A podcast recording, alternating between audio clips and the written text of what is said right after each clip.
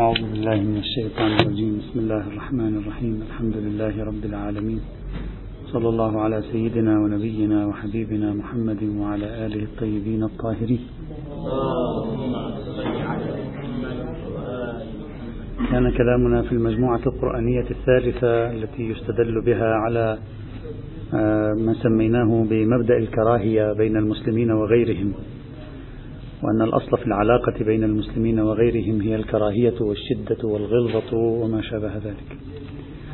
في المجموعة الثالثة التي هي عبارة عن نصوص نفي المودة وإثبات الشدة ذكرنا ست سبع آيات قرآنية ثم توقفنا بوقفتين من خلال هاتين الوقفتين ناقشنا الاستدلال بست آيات من هذه الآيات التي مرت معنا وبقيت آية واحدة وهي عبارة عن آية سورة الفتح.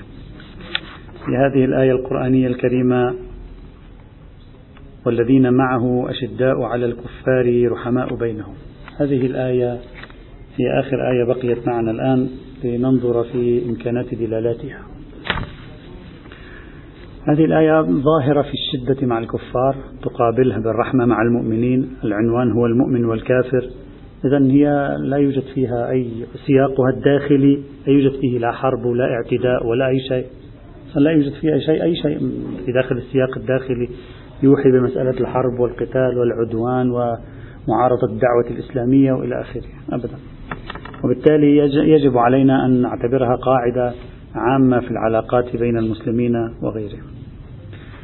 هذه الآية القرآنية الكريمة إما أن نفترض أنها عامة أو لا نفترض أنها عامة. إذا قلنا المقصود من الكافرين فيها أشداء على الكفار هم خصوص أولئك المعاندين المعارضين المواجهين المحاربين للدعوة الإسلامية فهو واضح بطل الاستدلال بهذه الآية جملة وتفصيلا. أما إذا قلنا بأن هذه الآية القرآنية تؤسس قاعدة عامة القاعدة العامة في العلاقة مع غير المسلم هي الشدة والغلظة والحدة. فيجب علينا أن نقبل بتخصيصها. على طبق قواعد التخصيص والتقييد. كيف نخصصها؟ نخصصها بالآيتين الثامنة والتاسعة من سورة الممتحنة. واللتين تقولان لا ينهاكم الله عن الذين لم يقاتلوكم في الدين ولم يخرجوكم من دياركم أن تبروهم وتقسطوا إليهم. هذه تأمرنا بأن نبرهم تلك تأمرنا بأن نكون شديدين معهم وبين مفهوم الشدة ومفهوم البر. نوع من التنافي العرفي. أنت إذا تكون شديد مع شخص لا تبره. البر آه، بر الوالدين وبر المؤمنين إلى آخره ولا ينسجمان. فلا بد من التخصيص حينئذ. فإما أن تقول هي خاصة من الأول وأصلا الكلمة فيها لا علاقة لها بكلية العلاقة مع الكافرين انتفى الاستدلال من رأس. أو تقول بأنها عامة لزم جمعها مع آيات سورة الممتحنة وحاصل الجمع بينهما أن العلاقة مع الكافرين هي الشدة إلا أولئك الذين لا يقاتلوكم ولا يخرجوكم من دياركم. فهؤلاء العلاقة معهم هي البر. والبر بما يتضمن من رحمة ومن عطاء ومن تواصل ومن علاقة حسنة تختلف عن مفهوم الشدة. هذه الفكرة التي نقولها الآن يجب أن نتوقف قليلا قبل أن نرى هل هي صحيحة أو لا. شهاب الدين القرافي عنده كتاب اسمه الفروق. في الفرق رقم 119 وهو كتاب لطيف في الفروق والقواعد. في الفرق رقم 119 يذكر نص على الشكل التالي. الفرق بين قاعدة المودة والموالاة يعني نفي المودة والموالاة وبين قاعدة البر والقسط. نعم أو أنوار البروق في أنواء الفروق المشهور بكتاب الفروق. يقول كيف نجمع القرافي؟ أراد أن يجمع ويوفق بين مبدأ نفي المودة والموالاة هذا من جهة وبين مبدأ إثبات البر والقسط. أقول هذا كيف نجمع كيف نجمع بين هذين المبدأين؟ يبدو من طريقة القرافي أنه لا يريد استخدام قاعدة التخصيص أو التقييد. يعني بعكس الطريقة التي قلناها قبل قليل. نحن قبل قليل قلنا أشداء على الكفار عامة على أبعد تقدير. خصصت بآية سورة الممتحنة. أو قيدت بآية سورة الممتحنة. هو يبدو منه لا يريد أن يستخدم لا قواعد التخصيص ولا قواعد التخصيص يريد أن يقول هذه غير هذه. هذا مفهوم مختلف تقريبه كيف؟ حاصل الفكرة التي قالها هو تقريبا يعني ثلاث أربع صفحات وكل قاعدة هكذا يعطيها تقريبا. حاصل الفكرة التي قالها إذا كان اليهودي والنصراني جائعا وأنت تأتي تعطيه طعاما كان عريانا أنت تأتي تعطفا تعطيه لباسا كان ضالا تائها في الصحراء وأنت تتلطف تضمه إليك لتوصله إلى أقرب نقطة مسكونة مأهولة بالسكان. يقول هذا بر وقسط. هذا هو البر والقسط. كيف؟ أنت من الأعلى وهو من الأدنى. تبره وتقسطه يعني هو ضعيف هو في الأسفل وأنت تعطيه وأنت محافظا على كونك في الأعلى. هذا هو البر والقسط. أما عدم المودة أما عدم الموالاة بالعكس تماما. يعني يمثل يقول لو أتينا بهذا اليهودي أو النصراني ووضعناه في منصب ولاية في بلاد المسلمين.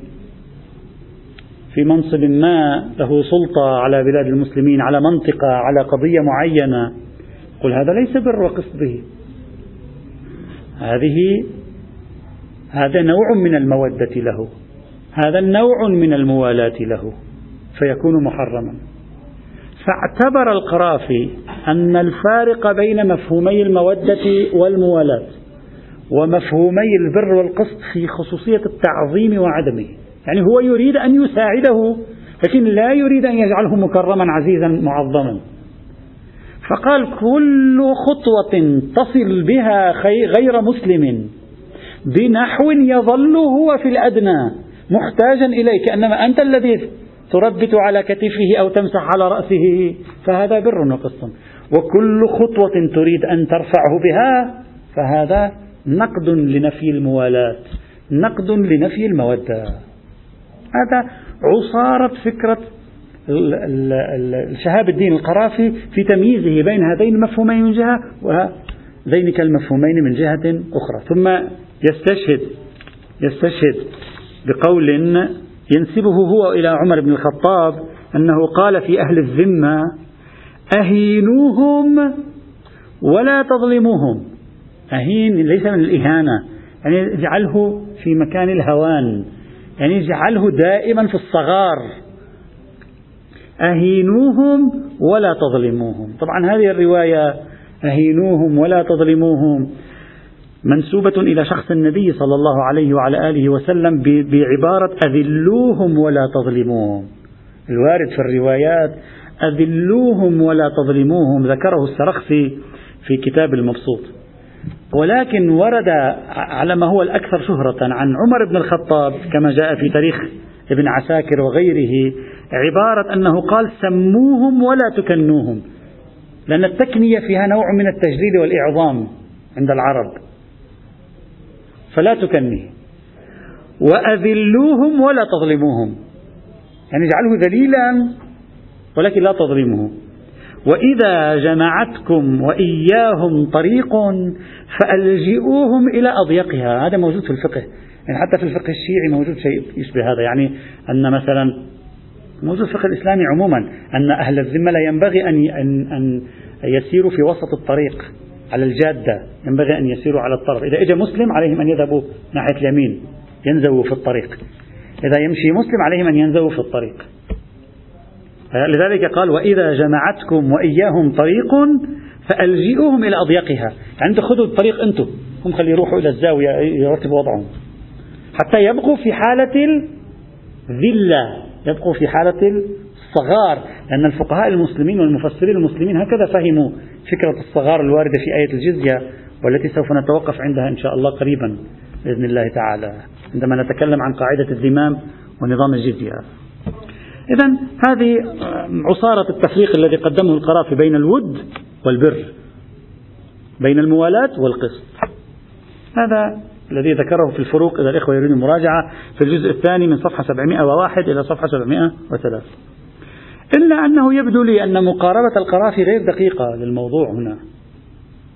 لأن عندنا في الطرف اليمين مفهومين الود والولاية في طرف اليسار مفهوم البر والقسط. لا نريد أن نميز بينهما الآن نجمعهما. لكن في هذا الطرف يوجد الود ويوجد الولاية. نبدأ بالود. مفهوم الود في اللغة العربية المودة في اللغة العربية جذرها يرجع إلى تمني شيء والرغبة في شيء. توده تريده. المودة أي أنك تريد هذا الشخص تتجه إليه وكأنك تريده. تطلبه لا تنبذه لا تعرض عنه لا آه، تمارس معه فعلا سلبيا بالعكس فعل إيجابي. واستقراء تصريف الود في القرآن الكريم يعطي هذا المعنى أيضا. المودة هي العلاقة الحميمة العلاقة الجيدة الصالحة الحبية القلبية لأن لأن المودة تتضمن الميل القلبي تتضمن نوع من المحبة. إذا جينا إلى كلمة الود نفي المودة أي نفي المحبة نفي الميل. إذا جينا إلى كلمة البر البر هو عطاء البر هو إحسان. البر هو عمل صالح مع الآخرين خير مع الغير. وهذا هو ال... إذا فسرت الود بأنه بمعنى قلبي فقط يعني أنا لا أحبه قلبيا لكن سلوكي معه سلوك عطاء. لا فرق حينئذ بين أن تعظمه أو تنزله. ترفعه أو تنزله. ما في فرق بينهما. من حيث مفهوم الود يعني الآيات التي نفت المودة بين المؤمنين والكافرين لا علاقة لها في أنك تعظمه أو لا تعظمه. هي تقول لا توده إن فسرنا الود على أنه محض حالة قلبية إذا هي لا علاقة لها بالإعظام أو بعدم الإعظام. وإن فسرنا الود على أنه حالة قلبية أو الأعم من الحالة القلبية وما ينجم عادة من سلوك عن الحالة القلبية هنا أيضا لا فرق بين أن تعظمه أو لا تعظمه. يعني النسبة بين مفهوم الود ومفهوم التعظيم الذي أقحمه لنا القرافي نسبة عمق من وجه. قد تود شخصا فتعطيه شيئا تتعامل معه بشيء يكون في ذلك إعظام له وقد لا يكون في ذلك إعظام له. وقد تعظم شخصا وأنت لا توده لا تحبه. وقد تعظمه وأنت تحبه. أصلا النسبة بين المودة وبين التعظيم هي العموم والخصوص من وجه. قد تود شخصا وتعظمه وقد تود شخصا وتصغره وقد لا تود شخصا وتعظمه وقد لا تود شخصا وتصغره. فما في تلازم بينهما حتى يقول القرافي هذه أجنبية عن هذه. بل هي متداخلة مع بعضها. تتصادق أحيانا وتتباعد أحيانا أخرى. وأما فكرة الموالاة فبناء على ما توصلنا إليه من أن الآيات التي نفت الولاء فيما بين المؤمنين وغير المؤمنين غاية ما تدل عليه وتقديم مفهوم سياسي لا بالمعنى المطلق الذي ذكروه. إذا قلنا ذلك أيضا لا معنى للتعظيم وغير التعظيم هنا. يعني أنت إذا أعطيت شخصا شيئا بقصد أن تعظمه ولم ولم يكن هناك ولاء بالمعنى السياسي، لم يكن هناك انتماء إليه، لم يكن هناك طعن في ظهر المؤمنين، لم يكن هناك تحالف معه، أصلا الآيات ليست ناظرة من الأول. حتى فلا حاجة إلى أن يقحم القرافي مفهوم التعظيم ليحل المشكلة. القرافي فكر بهذه الطريقة، قال: إن أنا تواصلت معه تعظيما فهذا محرم مشمول لنفي المودة. وإن تواصلت معه دون أن أعظمه فهذا ليس محرم لأنه ليس مشمول لنفي المودة مشمول للبر والقسط. طريقة القرافي في فك الارتباط بين الموضوعين غير دقيقة. إن فسرت المودة على أنها محض محبة قلبية فلا فرق في ناتجها بين أن يكون تعظيم أو غير تعظيم. المحبة القلبية هي الحرام. أما السلوك الخارجي ليس حراما أصلا. وإن فسرت المودة بالأعم من المحبة القلبية أو من كل سلوك يفعله الإنسان مع من يحبه في قلبه فأيضا الإنسان يفعل مع ما يحب في قلبه أعم من أن يعظمه أو يبقيه في حالة من أنت تعطي الفقير وهو في حالة من الضعة ومع ذلك تعطيه حبا له. أنت لا تعظمه هنا على تعريف القرافي. كذلك الحال في الموالاة. الموالاة. إن فسرناها بالمعنى السياسي الخاص فإعطاء شيء لغير المسلم تعظيما أو غير تعظيم لا يؤدي إلى المعنى السياسي دائما. وإن فسرنا نفي الموالاة بالقطيعة أي لا, لا اتصال فيما بيني وبينه مطلق أشكال الاتصال. فمطلق أشكال الاتصال تعني حتى لا يجوز لي أن أعطيه حتى لو كان فقيرا. وهذا ضرب أيضا من التواصل. لأن الموالاة جعلتها في مقابل البراء والبراء هو عبارة عن القطيعة. وأنت عندما تحسن إلى آلاف المسيحيين من أهل الذمة آلاف اليهود من أهل الذمة تعطيهم وتدافع عنهم وتقدم الشهداء إذا أحد أراد أن يعتدي عليهم. فهذا ضرب حينئذ من الموالاة المقابلة للبراء. نوع من الوصلة لهم والتواصل معهم. فعلى كل التقادير مقاربة القرافي لحل هذه المشكلة غير دقيقة. سواء فسرت المودة بمعنى القلب المحض أو فسرته بمطلق السلوك الذي يسلك عادة بين المحبوب ومحبوبه. سواء فسرت الموالاة بمعناها السياسي الخاص الذي رجحناه أو فسرت الموالاة بالمعنى المقابل للبراءة. أي مطلق القطيعة.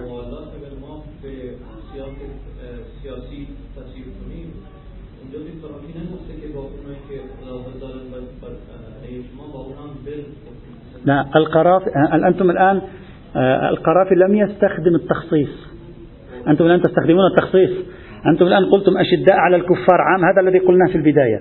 أشداء على الكفار عام خرج منها الذي لم يقاتل فإذا مفهوم البر خرج عن مفهوم أشداء. أصلا أنت مع أشداء على الكفار مفهوم البر لا يشمل على تفسيركم. القرافي يريد أن يريد أن يجمع بينهما دون أن يستخدم التخصيص. يعني القرافي فهم من آية نفي المودة أنها شاملة لأهل الذمة. والقرافي فهم من آية نفي الموالاة أنها شاملة لأهل الذمة. وفي نفس الوقت يريد أن يبر أهل الذمة. كيف نجمعها؟ هذه المشكلة التي وقع فيها. فقال لكي نجمع نبرهم وهم صغار. فهذا ليس مودة. نبرهم وهم في حال صغار فهذا ليس موالاة أما لو بريناهم فجاء برا جعلنا فيه التعظيم لهم فهذا مرفوض ليس مشمولا للبر. ومشمول لنفي الموالاة ونفي المودة يعني طريقة معالجة القرافة أصلا هي في الأصل في دائرة أهل الذمة لأنه يعتبر الدليلين منصبين معا على إطار أهل الذمة. أما الطريقة التي نحن قلناها قلنا أصلا لا أشداء على الكفار عام وهذا مخصص له. طريقتين مختلفتين. طيب إذا إذا كان التولي بمعنى مطلق الصلة فالبر باليهود والنصارى ولو لم يصبحوا معظمين هذا الصلة.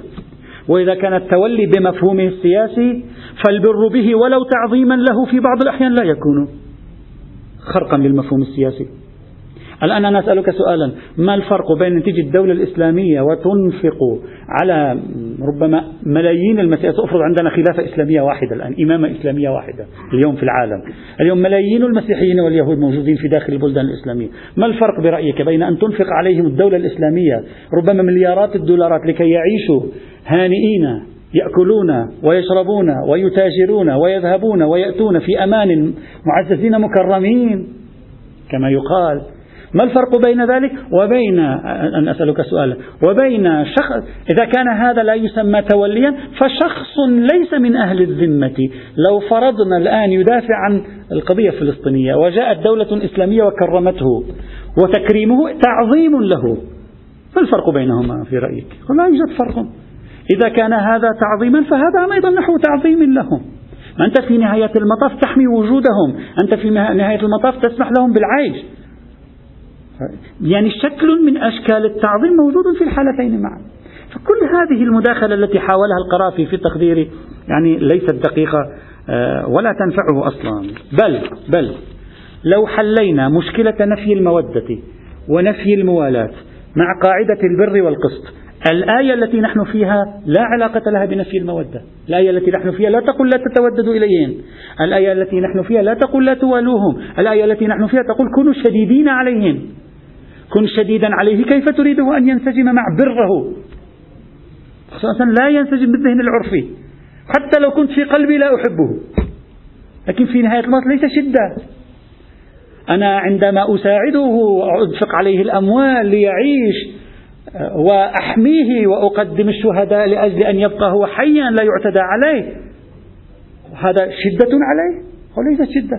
هذا النقيض مفهوم الشدة. أصلا بالفهم العرفي علاقة الشدة مع شخص على نقيض علاقة البر معه. لأن علاقة البر مضمونها العرفي فيه نوع من العطاء من الصلة من التواصل من الرحمة. ولذلك لاحظ أنت أن كلمة البر في القرآن الكريم وين استخدمت؟ اللغويون يقولون كلمة بعضهم يقول كلمة البر ترجع إلى أربعة معاني لكن في ترجيح الشخصي لا أريد أن أطيل في هذا الموضوع. كلمة البر ترجع إلى معنى واحد جامعها الأمان والاستقرار. ولذلك سمي البر برا لأنه أمان من البحر الهائج. ولذلك سمي الله بالبر الرحيم لأنه لطيف لأن اللطف يعطي أمانا واستقرارا. ولذلك البر بالوالدين أي أنها علاقة مستقرة تعطي الأمن والأمان. أصلا القرآن الكريم تمام هذه التصريفات استخدمها في مورد أنت تتعامل فيه برحمة وصلة وعطاء ومودة أصلا. فكيف تستطيع أن تجمع لي هذه الآية مع آية أشداء على الكفار؟ لا يمكن الجمع إلا أن تقول بالنسخ وقد ناقشنا نظرية النسخ. إذا أفضل الطرق في موضوع بحثنا في آيتنا هذه أن نقول أشداء على الكفار لو سلمنا أنها مطلقة أو عامة فإنها مقيدة بالآيات الدالة على البر والقسط الذين لم يقاتلوكم في الدين ولم يخرجوكم من دياركم. فإذا كل من قاتلنا في الدين الأصل في العلاقة معه الشدة والغلظة. وكل من لم يقاتلنا في الدين أو يخرجنا من ديارنا لا يوجد أصل من هذا النوع فيه. بل الأصل فيه هو البر والقسط. هذا أفضل شيء.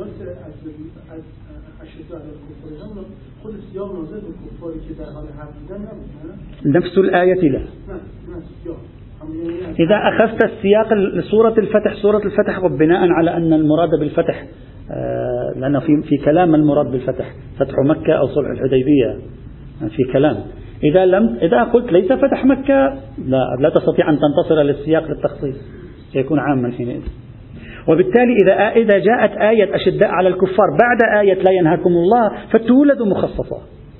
لأنها تنسخ تولد مخصصة حينئذ بناء على قواعد التخصيص. وإذا جاءت بعدها تلك تكون تلك قد خصصتها في هذا المعنى. لا من الصعب أن تستطيع أن صعب. أن هذا تشخيص تقديم والتأخير خاصة في داخل المدينة المنورة صعب. لا على التقديرين على التقديرين تستطيع أن تخصص لأن لا فرق. يولد مضيقا. فتفهم فيفهم العرف حينئذ من أشداء على الكفار أن المراد الكفار الذين هم يحاربوننا. لمركوزية في لأن المركوز في ذهني أن الله إنما نهانا إنما أمرنا في الكفار الذين لا يحاربوننا بالبر وإنما نهانا عن البر والقسط مع الذين يحاربوننا. مركوزية ذلك تجعل ولادة هذه الآية مقيدة حينئذ. لا, لا يوجد إشكال. إذا الآية الأخيرة حاصل أفضل حل فيها أن نقول على أبعد تقدير مطلقة أو ولدت مضيقة أو ضيقت بآيات سورة الممتحنة. وبالتالي إلى الآن الآيات السبع التي قيلت لا تصلح أن تكون قاعدة لأصالة الكراهية بين المسلم والكافر. الوقفة الأخيرة لا أريد أن أطيل فيها لأن هذه الوقفة إذا أطيل فيها سأضطر إلى بحث طويل في, في ذهني أفكار كثيرة فيه. لا أريد أن أطيل فقط سأشير. وسابقا أشرت إليه. إلى هذه النقطة إشارة سريعة فقط سأشير. عنوان هذه الوقفة الآن هل التوصيفات العقائدية في القرآن مقصودة بدلالاتها العقائدية أم بدلالاتها السياسية؟ الآن سأشرح هذه الفكرة. خذوها كفرضية لا أريد أن أستدل عليها الآن. خذوها كفرضية فكروا فيها تأملوا فيها وأنتم حللوها. لأن, لأن البحث فيها يحتاج إلى استقراء شامل لكل الآيات التي ورد فيها تعبير الكافر غير المؤمن المنافق إلى إلى إلى آخره. تحتاج دراسة فعلا دراسة مستقلة تصلح أصلا. يمكن ربما رسالة ماجستير أو ربما أطروحة الدكتوراه أن تحلل هذه القضية. ماذا أريد أن أقول في هذا الموضوع؟ السؤال هو هل كلمة الكافر عندما تطلق في القرآن الكريم تطلق توصيفا على عقيدة بالضرورة بالضرورة أو في كثير من الأحيان تطلق كصفة لجماعة هم يحاربون الدعوة الإسلامية. نعم هذا معنى السياسة. الآن سأشرح الفكرة. إذا استقرأت بعض الآيات القرآنية ستجد أن القرآن عندما وصف لنا الذين كانوا في زمن النبي صلى الله عليه وسلم ممن لم يؤمن لم يوصفهم فقط أنهم لم يؤمنوا. وليس زمن النبي بل جميع الأنبياء. أنت راجع أقوام الأنبياء في القرآن. اكتب مقالة صفات أقوام الأنبياء في القرآن الكريم. سجل عندك هذا العنوان. إذا صار عندك وقت اكتب حوله مقالة. كيف عرض لنا القرآن الأقوام الذين جاء الأنبياء فيهم؟ هل عرضهم أنهم لم يؤمنوا فقط؟ يعني جلسوا مع النبي وسووا معه حوار وقالوا له دليلك ضعيف أنت عندك مبني على حجية الاستقراء ونحن لا نرى الاستقراء أو دليلك مبني على آه، مثلا ضرب الرابع من الشكل الرابع وهذا عندي نقاش فيه. هل هكذا كان المشهد الذي يقدمه القرآن للعلاقة بين الأنبياء والمؤمنين وبين أقوامهم؟ أبدا. دائما العلاقة أن تلك الأقوام كانت تعارض تقاتل تؤذي تواجه تحارب تعتدي أنت أن تستقرئ من نوح عليه الصلاة والسلام إلى نبينا عليه أفضل وعلى آله أفضل الصلاة والسلام. أن تستقرئ وشوف القرآن كيف عرض أقوامهم. هل عرضهم فقط أشخاص؟ قالوا لا نحن لم يثبت عندنا. يعني كان عندهم مثلا مجلس علمي قالوا نحن لم يثبت نختلف معك في وجهة النظر. أو لا دائما كان الكفر بحسب توصيف الأقوام عادة أنا لا أريد أن أعطي نتائج. عادة كان قرينا لصفة لصيقة بهؤلاء وهي العدوانية على الدعوة مواجهة الدعوة الصد عن سبيل الله تعذيب المؤمنين التعريض بالمؤمنين تعذيب الأنبياء مقاومة الأنبياء إلى آخره قتل الأنبياء. عادة في القرآن هكذا كان يوصف لنا القرآن. وبالتالي لم يقول, يقول فكفروا به وكذا دائما كان معه آذوه. فإذا قال الكافرين في بعض السياقات فما ما هي الصورة التي ينبغي أن نكونها؟ هل أراد بكلمة الكافرين الذي لم يؤمن أو الكافرين تلك الصورة المشهدية اللي قدمت سيناريو كاملا اللي هم عبارة عن مجموعة من الأشخاص يعني عندما يقول له قل للكافرين أو افعل ذلك مع الكافرين أو جاء الكافرون فعلوا معك ذلك وعليك أن تفعل معهم ذلك من هم الكافرون؟ محض المختلف معي عقائديا؟ أم هو صورة مشهدية لذلك الذي لم يؤمن بالدعوة ولكنه دائما كان يقاتلها؟ فكر أنت في هذا الموضوع. ما الذي تستنتجه من مجموع ضم الآيات إلى بعضها؟ هذا في إحدى مقالاتي في مقال كتبته في العدد 28 من مجلة الاجتهاد نصوص معاصرة ربما قبل عشر سنوات. سميته قلت في القرآن يوجد ربما يوجد كافر العقيدة؟ ونوع آخر من الكفار سميته كافر المواجهة. أي هناك شخص لم يؤمن. كافر. إذا سلمنا أن مطلق من لم يؤمن كافر ولم نقل بما يقوله بعض المفسرين وتابعهم في ذلك بعض المعاصرين مثل الشيخ الصانعي اللي قال بأن الكافر هو الذي يعرف الحقيقة وينكرها. فقال إن الكافر يعرف الحقيقة وينكرها. فإذا عنده عدوان على الحقيقة. سأترك هذا الرأي. أترك. لكن كافر العقيدة الذي لم يؤمن وكافر المواجهة. يعني نحت القرآن في ذهني صورة عن أولئك الذين هم في مقابل الدعوة ليست صورة الذي لم يؤمن ليس ديكارت جلس خمسين سنة يبحث وشك في نفسه وبعدين طلعت معه البديهيات الخمس. الامتداد ما في ديكارت في قريش. لا ديكارت ولا واحد قضى عمره في البحث والتأمل ولا واحد اختلف معك في وجهة نظر على أسس علمية هذه ما موجودة في قريش ولا في أقوام الأنبياء. يعني يجب أن ندرك أن تلك الصورة التي رسمها القرآن عن الكافرين هل هي نفسها الصورة التي يمكن أن نجدها اليوم عند كثير من الناس؟ ليس عندهم ذات تلك الصورة. كل ما في الأمر أنهم لا يؤمنون. هذا هو البحث. 28 آه، على ما أظن.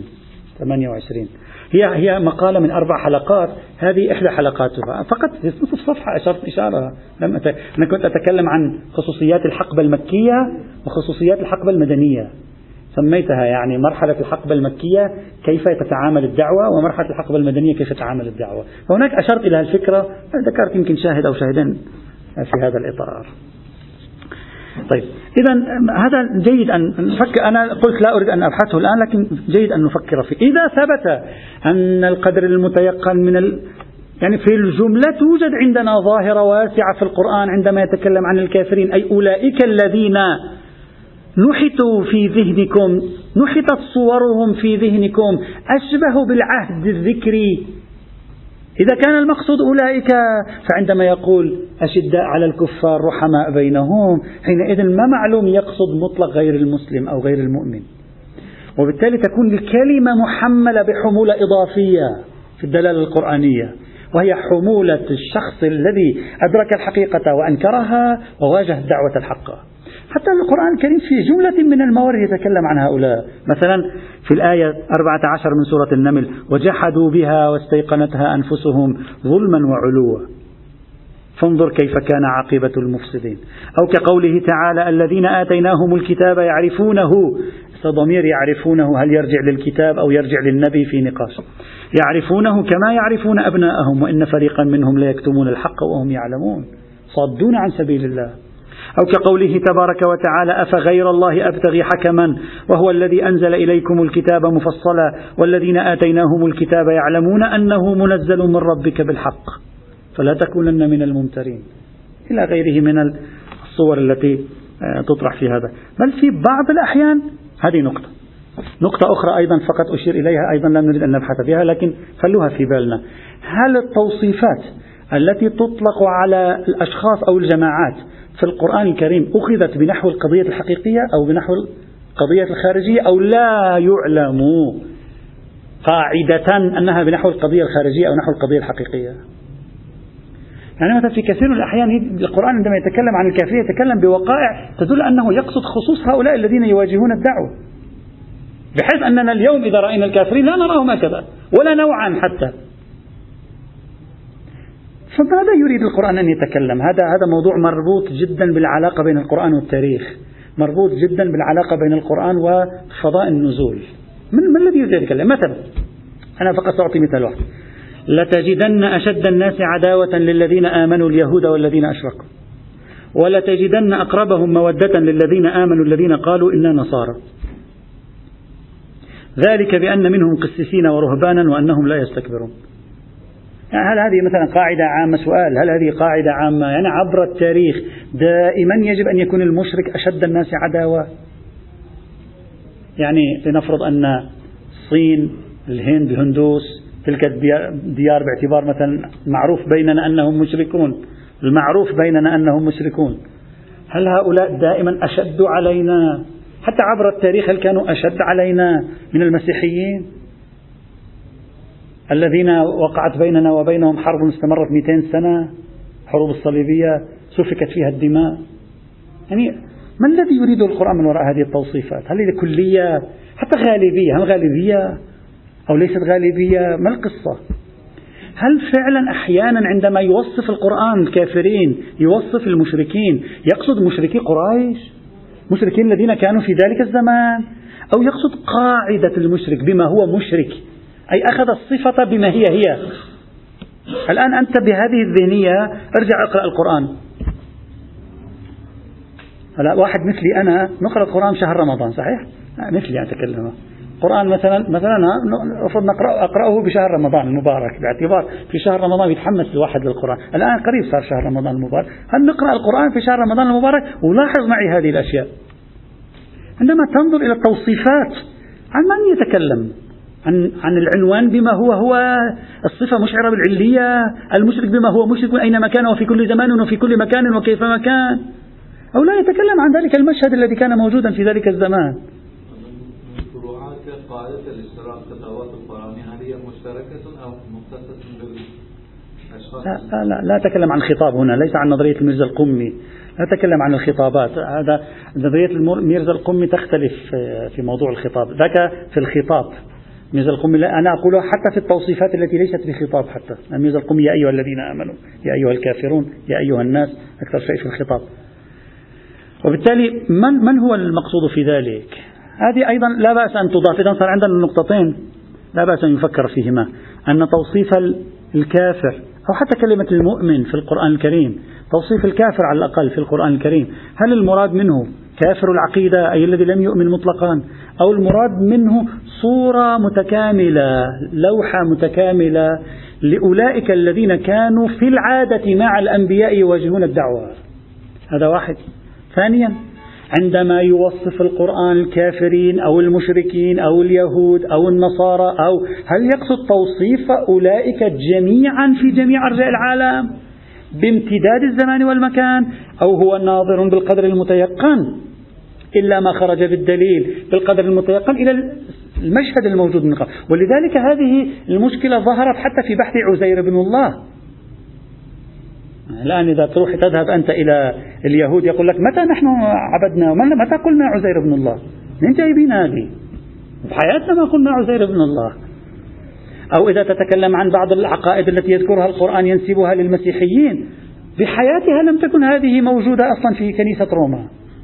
ولذلك يطرح أن هذه عقائد المسيحية الشرقية التي كانت في الجزيرة العربية وليست عقائد كل المسيحيين في جميع أنحاء العالم على امتداد الزمان والمكان. إذا هذه قضية أيضا لازم ندرسها. لازم نفكر فيها. نقرأ القرآن بهذه الذهنية التي تجمع بين المشهد التاريخي والمشهد التوصيفي القرآني للأقوام وحينئذ نقول الإطلاقات على ماذا تعبر وماذا تقصد وماذا تريد حين ولذلك مثلا مثل علامة الطبطبائي قال تعبير المشرك في القرآن خاص بقوم وليس بكل من أشرك. فتعبير المشرك لا يطلق على النصراني رغم أن القرآن قال سبحان الله عما يشرك أو تعالى الله سبحانه وتعالى عما يشركون.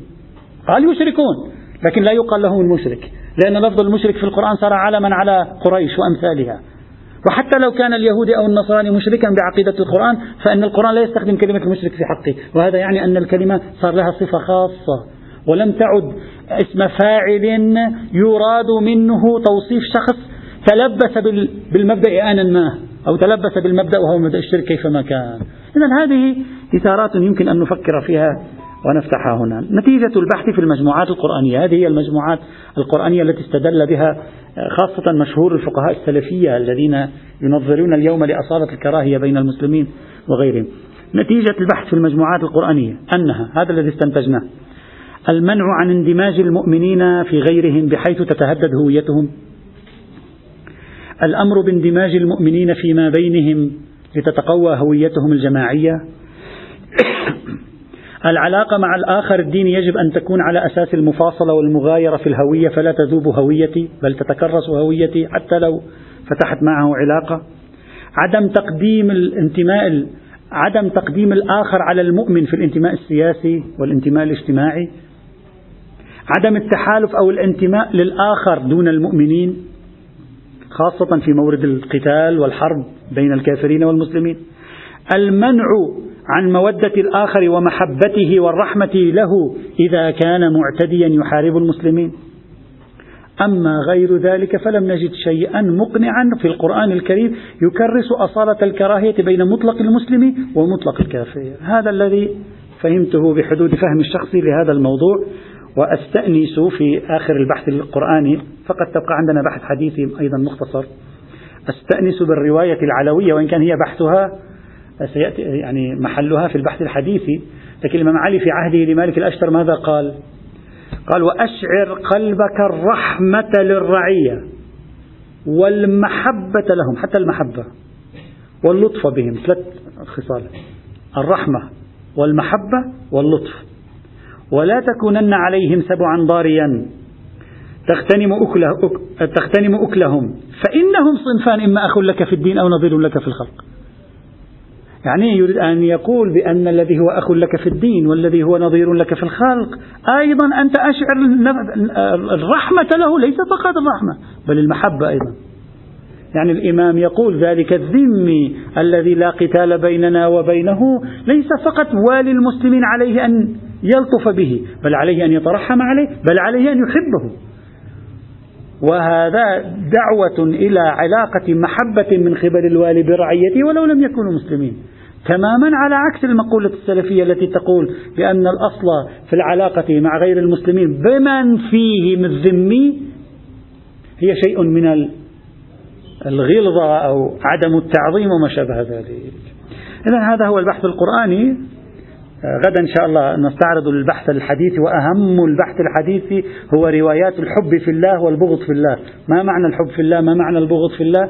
استندوا إلى هذه الروايات لإثبات أن كل من هو كافر فيجب بغضه كائنا من كان وكيفما كان حاله. يبقى هذا البحث وننتقل إلى قاعدة الزمام والجزية ما قبل الأخيرة من القواعد. الحمد لله رب العالمين.